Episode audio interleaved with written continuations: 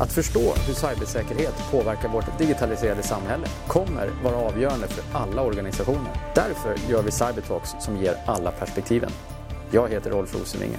Välkommen! I veckans avsnitt av Cybertalks träffar vi Kevin Kennedy från Vectra AI. Kevin är produktchef för ett av de mest spännande cyberbolagen i USA och är i vanliga fall baserad i San Francisco. Dagens avsnitt handlar om hur man med hjälp av AI och automatisering bättre kan skydda sin organisation. Men det handlar också om hur det är att jobba med cyber i en av världens mest spännande techhubbar, Silicon Valley. Hej och välkomna till ytterligare ett nytt avsnitt, 2020 års eh, första här av Cybertalks. Eh, efter lite jul och nyårsuppehåll är vi redo att köra igång igen. Eh, idag har vi med oss en speciell gäst, Kevin Kennedy från Vectra AI and flying in from San Francisco just for us. So thank you. Welcome. Thank you. It's great to be here, Rolf. So, uh, really looking forward to this session. Um, I, I think what you guys are doing is, is something both important but also super interesting, and really happy to to talk through some of the network detect and response capabilities and, and, and how that can help improve an overall uh, cyber program for, for a large cap entity. But maybe the place to start is also just a quick introduction to you on, you know, so who's Kevin and, and you know, what is it you do? I know you're the VP of, of, uh, of your product, but uh, mm. yeah. Yeah, so so Kevin Kennedy, I'm the, the VP of product for Vectra. I've been in the cybersecurity industry for about 15 years. I stumbled into it a little bit with a, a, company called IronPort that was in email security, acquired by Cisco, and, and I really caught the bug for the space. And I love the challenge of keeping up with, with the attacks. I love helping customers. I love working with people in, in the industry. And I met Vectra about four years ago through some, some colleagues and uh, that I had worked with before and, and took the role, it was it was an opportunity. I just saw the space. There's such a, a demand and a need for this type of technology, and I was really impressed by the team that Vectra had, had pulled together. So, you know, four years later, and I don't regret it for a moment. It's been a, a great journey. I've met amazing people, and, and we've really seen the space evolve and the product evolve in that time. Yeah. Cool. And and so based in in uh, San Francisco, Silicon Valley, uh, I guess a lot of Swedes uh, are super interested in that as well. So how, mm. how's that like? And uh, is it as a dy dynamic environment that everybody thinks it is? You know, it, it, it really is. And there's there are challenges there um, in in terms of it's it's busy. It's a it's a high paced lifestyle. It's expensive, um, both to live and to hire people. Mm. But the ecosystem of both, you know, on the talent side, all the surrounding functions in, in, in finance and legal and all of that that just help you get going. It really is a, a, a vibrant ecosystem, and, and that's why we're headquartered there. But it's also been really important for us to be able to drive the heavy R&D that we want to get more diversified in our locations. So we also have development in Austin, Texas, in, in Boston, as well as the headquarters in San Jose. And then a couple years ago, we opened a, a major development center in Dublin, Ireland as well. Yeah. Yeah, and and I guess you know some of those other uh, are, are also quite you know tech hubs. I think Boston is quite emerging mm. uh, as a hub now, right? And, yep. Uh, but so you know, typically our listeners are, are Swedish or and or Nordics practitioners or mm. senior ones, and, and uh, a lot of CISOs, etc. But and I think a, a, lot of us at one point in our career uh, have been thinking or will be thinking about uh, you know working in, in Silicon Valley. And any any advice if you want to go there and uh, what to think about?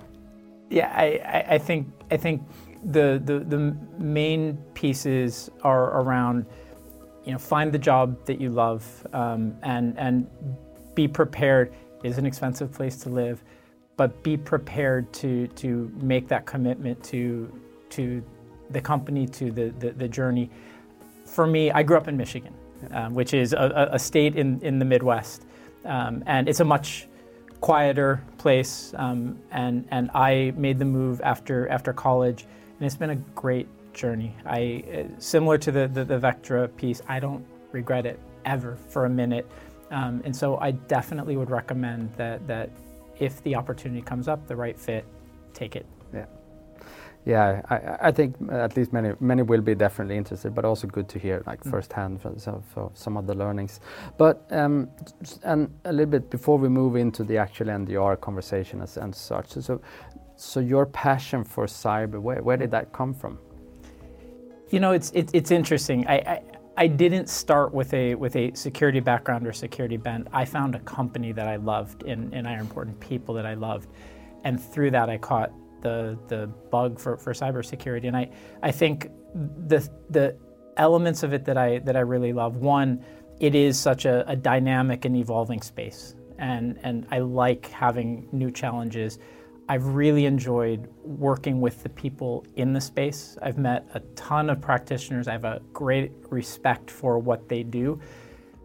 And I also feel like at the end of the day, we are making society safer and fairer. I mean, given how critical all of the, the, the digital and, and connected devices are, not just to businesses, but to every piece of the fabric of society if we don't get better at security, if we don't transform the way we do security, some of that may fall apart or, or really hurt society. And so I, I love that for all of the work, all of the effort, the outcome is to make society safer and fairer.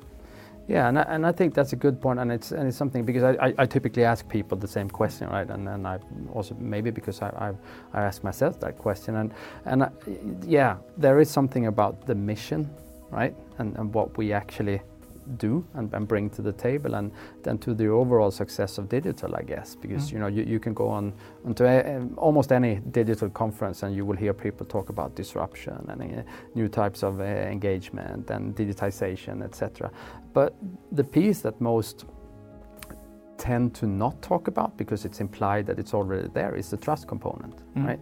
But and and unless all those four are are, are there and delivered, uh, there will be no true digitalization of society.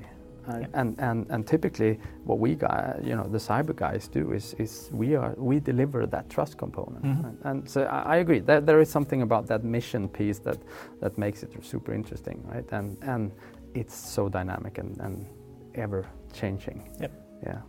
So um, you work for Vectra now. Uh, I think some and have uh, learned about Vectra here in the Nordics, and some may not. And, and just quick quick run through of, of, what you guys do and sure.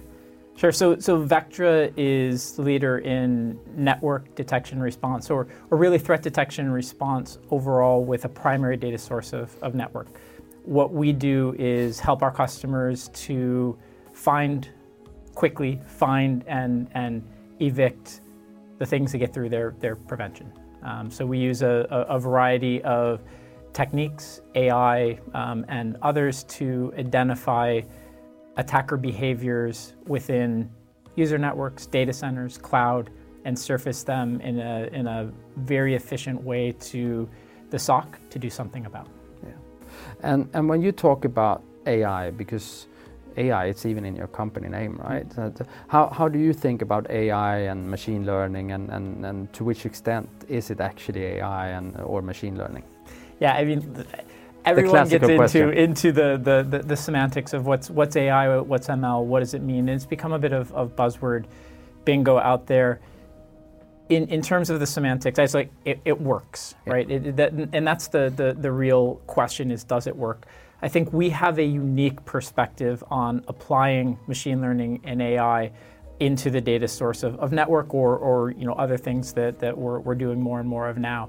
And that is, you often hear the concept of it's anomaly detection. And there's an element of that, but it, classic anomaly detection looks at this as a data science problem. Mm. And it says, guess what? We're going to tell you everything that's different.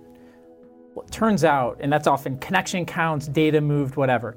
It turns out that attackers are pretty good at blending in, and humans are pretty good at acting differently every day.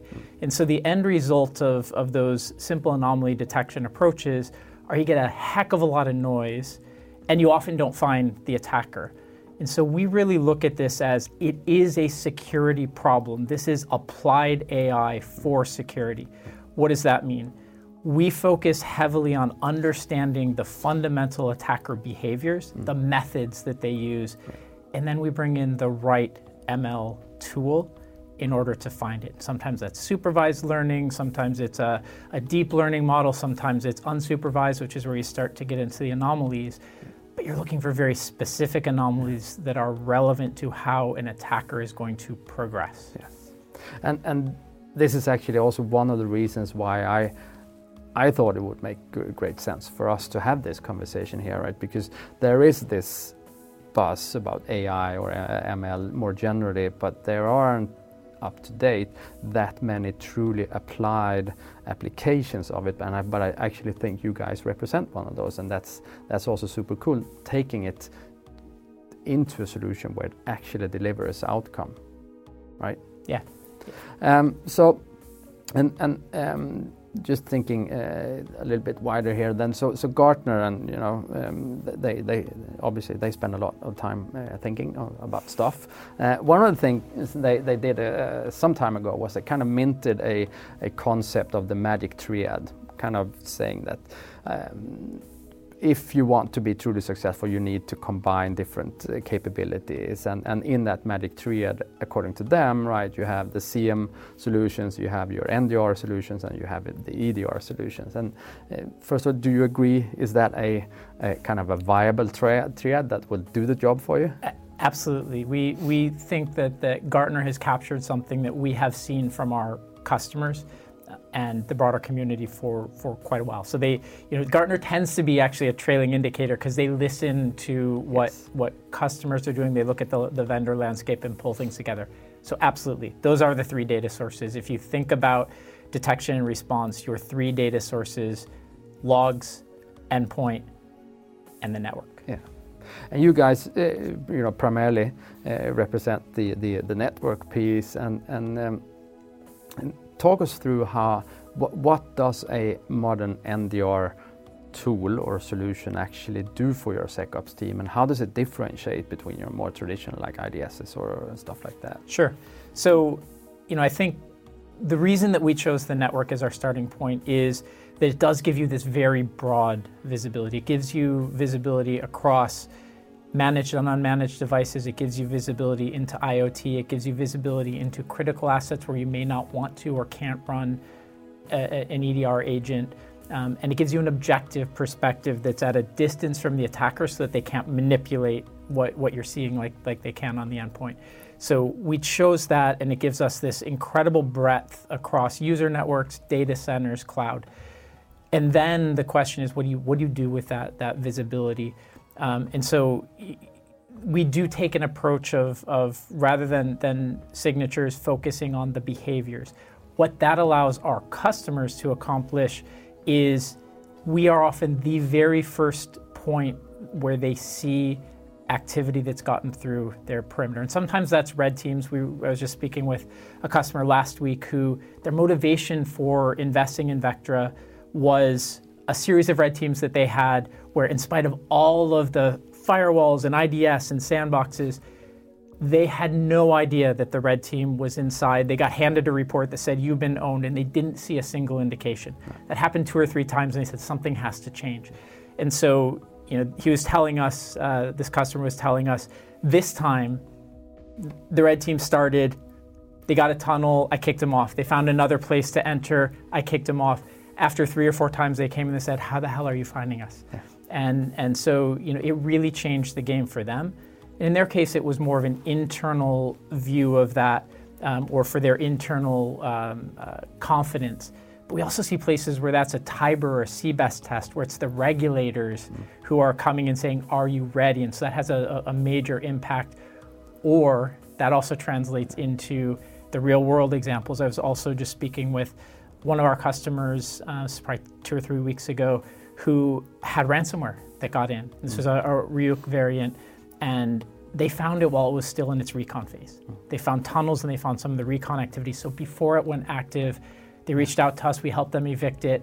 You know, that's a significant damage, and none of the other security investments that they had gave them any visibility into this going on. So that is fundamentally what it does for our customers. Is it gives them that early warning something is inside and gives them that in time that they can react before the damage is done. Yeah, and I, and I think that, that that's to me that's that that is actually one of the key problems to solve, right? Because when I look across the board, um, I definitely see a lot of a lot of, of, uh, of ransomware attacks, speci- specifically in this region as well. I, I, think the stakes are up overall. I think there are uh, some cases of relatively significant uh, business disruption. Um, and I think a lot of the security teams right now are kind of thinking broadly about so how, how do we attack this and, and what are the concepts and and one of the things that may have been missing a couple of years back uh, you know apart from budgets maybe but but also the there weren't actually the tools that could give you that visibility on the inside. So a lot of the investments were actually still being poured into the protecting the perimeter. Uh, and guess what? And you know this better than I probably, right? They still found their ways in. Mm. And, and but once they win, you didn't really have any uh, any way to really detect that and, and do something about it in time. And I think that's that's kind of probably what, what you're alluding to here, right? Yeah, no, that that is the key. Prevention technology has gotten a lot better but it's not 100%. A good attacker will find a way to get in, whether that is spear phishing and stealing a credential and using a VPN, whether it's some sort of a, a malware that can evade AV, even a, a good next gen AV. And once they're in, they will get in. If you can't find them, then they're going to do a lot of damage. The good news in, in all of this is whether it's a ransomware attack, the techniques have changed, and now there, there tends to be a significant period of, of recon and learning. Yeah. Um, and the same in, in more advanced uh, attacks that are aimed at, at information and, and, and stealing information from initial compromise to actually achieving the objective, there is a, a, really good window, and that is the window of opportunity to find and stop before the damage is done. Yeah. But you have to look in the right places in the right way.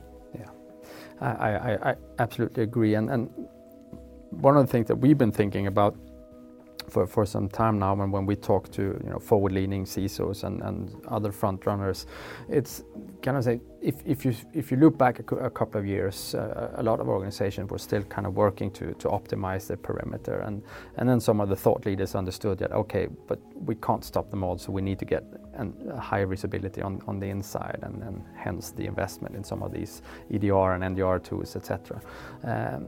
what we're seeing now also is that people or forward-leaning CISOs are actively starting to think about so what happens outside of the perimeter, and if, if you want to label it, you know, an in-depth kind of cyber defense strategy, really. And so you, you still protect your perimeter, of course, that's the housekeeping piece of it. You, you invest in your detect and response capability on the inside, but you actually also have to look outside mm-hmm. and understand to really be able to preempt um, from, from, me, from even trying, or, or, at least up your defenses when you know they are about to try. Mm. You know, typically the threat intel piece uh, of, of, it. How, how, do you see?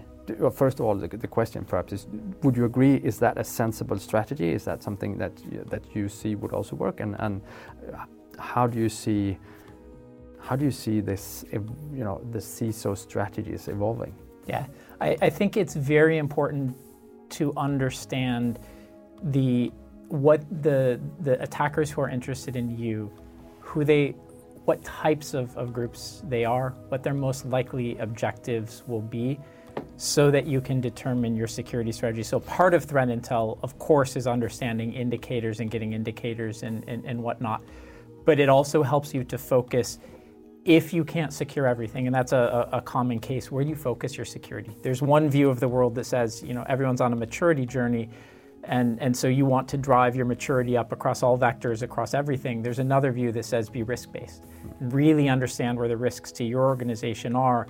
And a big piece of that is understanding who is most likely to act against you and what they're going to be after. Um, that can really help to focus your security investments um, and, and make them more effective. And, and one of the cool things I think you've done, right, and, and we talked about this over a coffee just before we, we kicked off this recording, that you kind of taking a, an approach of, okay, so we're going to tap into and be a player in a more open ecosystem, uh, security uh, tooling ecosystem, if you like. Was that a conscious decision? And, and if so, what, what, what drove that?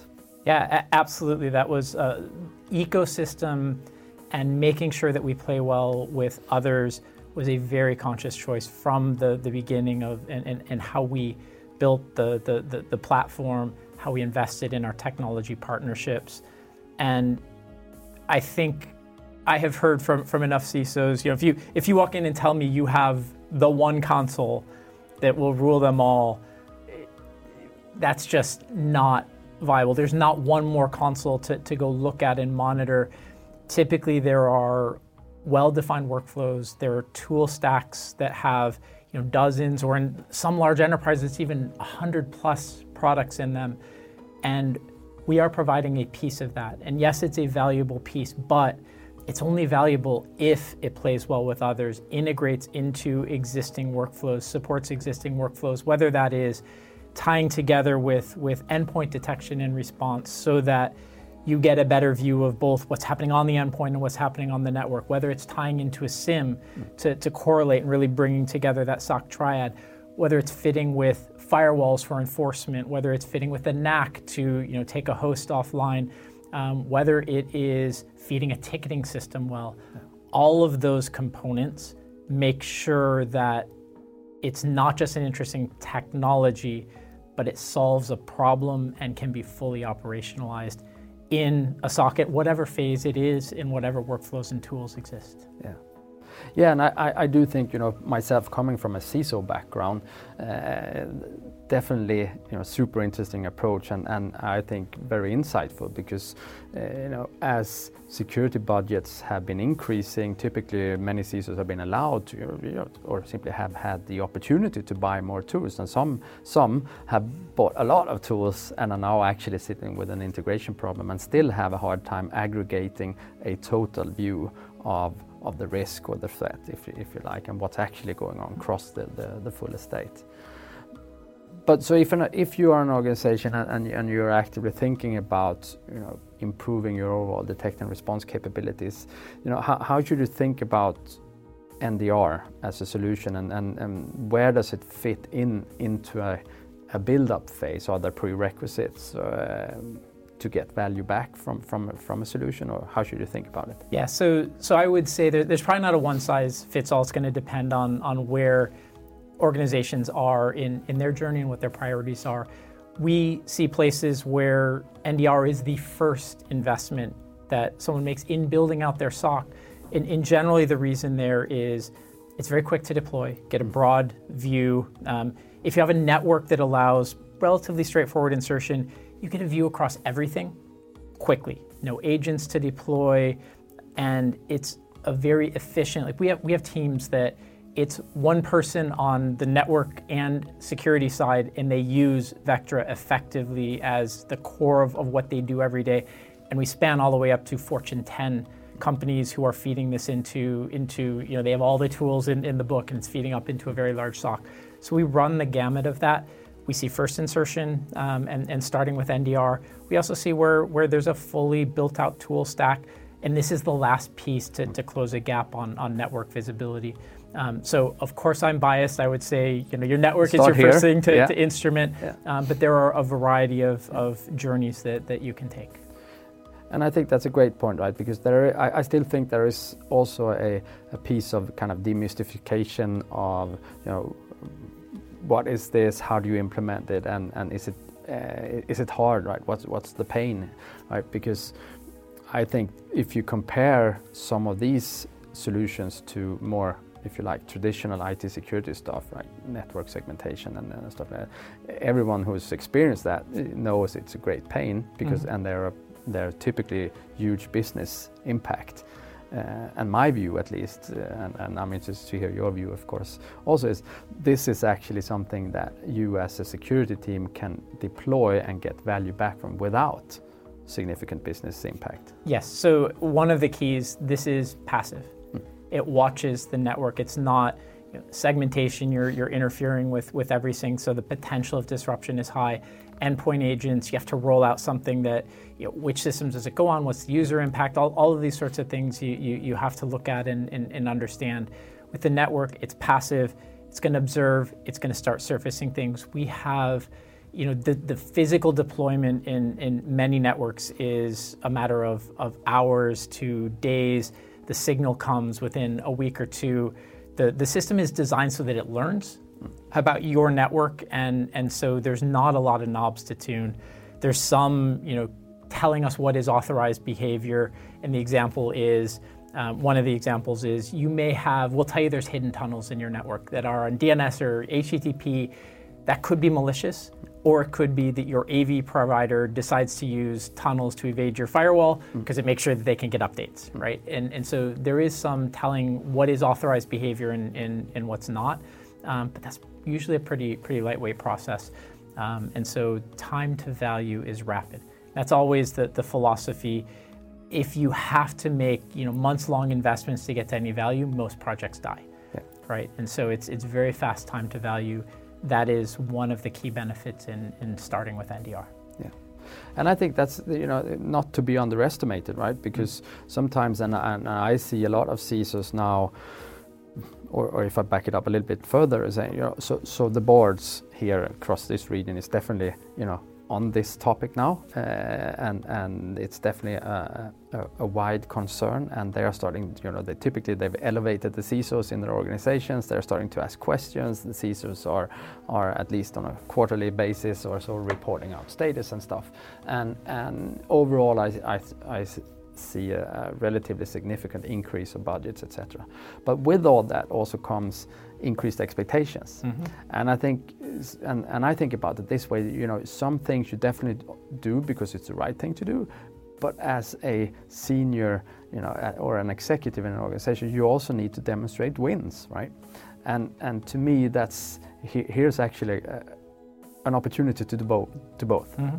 right? You do the right thing, but there's also a fairly limited time to value, so so that you can demonstrate wins which, which in itself is important when you're going through a build-up phase, right? Absolutely. I, I think it is, it is incumbent on, on the senior security leadership to show return on the investment that the, the board is making, to show wins, to build confidence. And that confidence and that credibility gives, you know, the, the right to continue asking for more investment hmm. um, and to do the right things for, for the business. And so, and, and if we, you know, broadly speaking, go through, you know, you, you have a you have a contract signature, and then you get into a, a deployment, and there is a learning phase. And, and but can you just briefly talk us through what are the typical implementation phases and, and, and overall a, a typical timeline from? Sure. So the, the the first step is to deploy into the network. And there, there's a set of, of, sensors, depending on how many uh, locations you want to capture traffic from and what the scale of that is. We have a, a, sensor brain architecture. So the, the sensors go out distributed into the network. You place them wherever they need to be, set up a, a, a span port or tap um, to, to direct the, the, the packets there. Typically, that's very, very simple. That's, you know, we, we had a, a large scale project where I believe eight sensors at eight locations got um, put in and, and all connected and configured within a one eight hour day. So um, it's, it's pretty quick to, to get that set up. Once the signal starts coming in, there will be, we use a variety of, of techniques on, on the, the ML. Some detection models will start right away and they'll start surfacing things. Some, especially the ones that are identity centric and learn about privileged accounts and privileged service use in your network, those take longer. In general, two weeks, everything is learned, everything is firing. You may go through what we call the triage process for a couple of cycles where you're looking for the authorized behaviors. We have some additional ML techniques that that show you what those are, where the big clusters are that, that you're going to want to triage out. Um, and, and so that maybe a couple more weeks worth of sessions once in a while to get that set. At the end of that, you have a really good signal coming out that's going to show you what's happening in your network. It's going to show you where the, the, the threats and the risks are. And then the, the last phase would be to work through any integrations into your into your workflows. So if you want to tie it into a ticketing system, if you want to, um, you know, connect it into into SIEMs and, and all of that, um, and that's going to depend on exactly what you want to do. We have services to to help with that. Um, many of, of the organizations we work with are investing in orchestration platforms or will, will do that them, themselves. Um, but that, that's the, the, the, final phase. Yeah. Cool. And and I think that's in itself a, a super valid point, right? So the time to value is fairly limited, and Mhm. it doesn't have to be more complicated than you just described, Yep. right? Uh, so if we think ahead, then, so so where where because you know as head of product, you you are you are not just thinking about what you deploy today to customers. You are obviously also thinking ahead. So if if you fast forward three years, so, so what what we'll be looking at, what type of environment would we be looking at, and how would how would these solutions have changed to counter what? Yeah, so so I think there's there's a, a few things. One, I mean, it's it's interesting if you look over the last 15 years of how from APT one to APT 40, how techniques have evolved, and and you know, tools have evolved. Techniques haven't changed that much on the physical network, and that's one of the things that allows this technique to be so effective. And that even continues as if, if you think about more the lift and shift application of cloud, so you know you move your workloads into Azure or AWS, um, and you're using it as, as other people's computer, other people's network, all of those techniques apply. And so we've extended now into AWS, into Azure to provide that traffic visibility. What's coming next is what we believe will be a fundamental change in the attack tooling and methods that come from attackers really thinking about how to go after the cloud as a new attack surface. And, and I think Capital One was the, that uh, breach was, was the moment where it became apparent that, that you could do fundamentally different things. Um, the cloud really is like a new OS. It's a very complicated OS with all sorts of, of services and capabilities that are there that most organizations, most developers, even the cloud providers themselves often don't fully understand how, how you configure. And so you can think of this as the moment where we're, we're probably back where Windows 95 was from a, from a security standpoint. And, and so we expect and are, are working to research and develop detection techniques aimed at cloud native attacks, how uh, people go after the control plane in, in cloud, as well as SaaS applications, which are, which are becoming more and more critical. So we're, we're working on Office 365 coverage, looking at how uh, OneDrive and SharePoint and you know, email is a command and control channel and, and, and things like that, because those are becoming pervasive. In fact, they are, uh, I think something like 60% of organizations by count use Office 365. Um, so, you know, it is that cloud attack surface is top of mind for us, and we have, you know, full focus on research and development for detection models to, to counter that. Yeah. And and to me, I think that this this piece of the conversation is fascinating in itself and could probably warrant a, a full episode, right? But really taking it back to kind of almost where we started that, you know, so what is our mission as cyber practitioners? It is to deliver that trust piece. And, and if you think about what most organizations actually do when they talk about digital or the at least the internal piece, the digitization of their of their uh, their organizations, it's cloud, right? Mhm. That's what they do because they they, they, they want that uh, you know productivity. That the, they want all those capabilities that comes with it.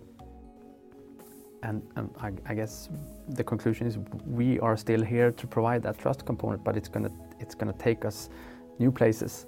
And, Yes. uh, but it's going to be absolutely critical for us Yeah, as, as a I- community. I mean, I, I think we are we are as a as a both on the, the, the vendor side and on the practitioner side, just really getting our arms around what does it mean from a security standpoint. The cloud is very complex. The good news is for the vast majority of attackers, they're going to use tools that already exist and techniques that already exist, and so there there there will be there is time to to solve this for the the uh, certainly for the mainstream cases, um, but it's going to sneak up on us, just like we saw with you know the Windows 95 analogy.